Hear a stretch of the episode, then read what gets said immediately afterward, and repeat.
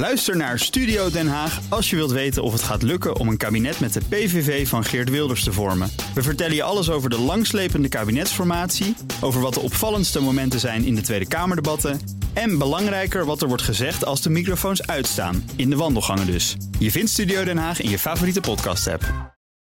Sluiten we helemaal af met onze collega Julian Verbeek, want dit is de week van Verbeek. Ik weet niet wat de laatste keer was dat jij een reactie plaatste onder een nieuwsbericht, maar ik voel die aanvechting nooit. Wie zit er nou te wachten op mijn hot take over oorlog, misdaad, voetbal of het weer?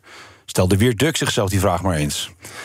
Over de hoeveelheid haat en ongenoegen die op het internet rond te doen zijn, is al zoveel gezegd.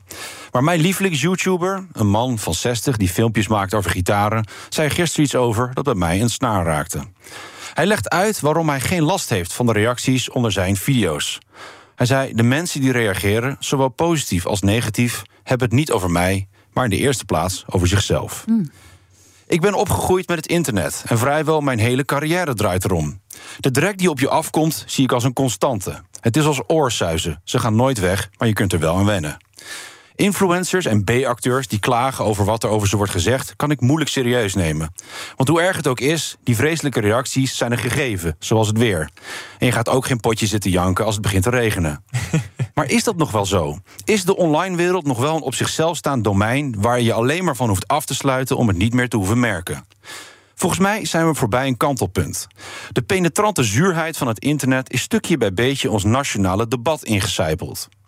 Mensen gedragen zich op straat steeds meer als lulde behanger 63 in de comments. Politici doen vrolijk mee. Je hoeft een mening helemaal niet te onderbouwen met feiten als je alleen maar mensen aanspreekt die het er al mee eens zijn. De echte wereld lijkt dus steeds meer op de online wereld. En dat belooft nog wat voor de toekomst. En daarom een oproep in de geest van die man van die gitaarfilmpjes. De volgende keer als je op het punt staat ergens een reactie te plaatsen, stel jezelf dan de vraag dat ik dit nu wil zeggen. Wat zegt dat eigenlijk over mij?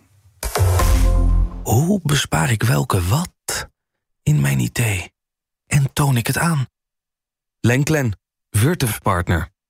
Lenklen, betrokken expertise, gedreven innovaties. Zelf aandelen doorlichten? De Giro biedt... Ook Bas van Werven vind je in de BNR-app. Ja, je kunt live naar mij en Iwan luisteren tijdens de ochtendspits. Je krijgt een melding van Breaking News. En niet alleen onze podcast Ochtendnieuws, maar alle BNR-podcasts vind je in de app. Download nu de gratis BNR-app en blijf scherp.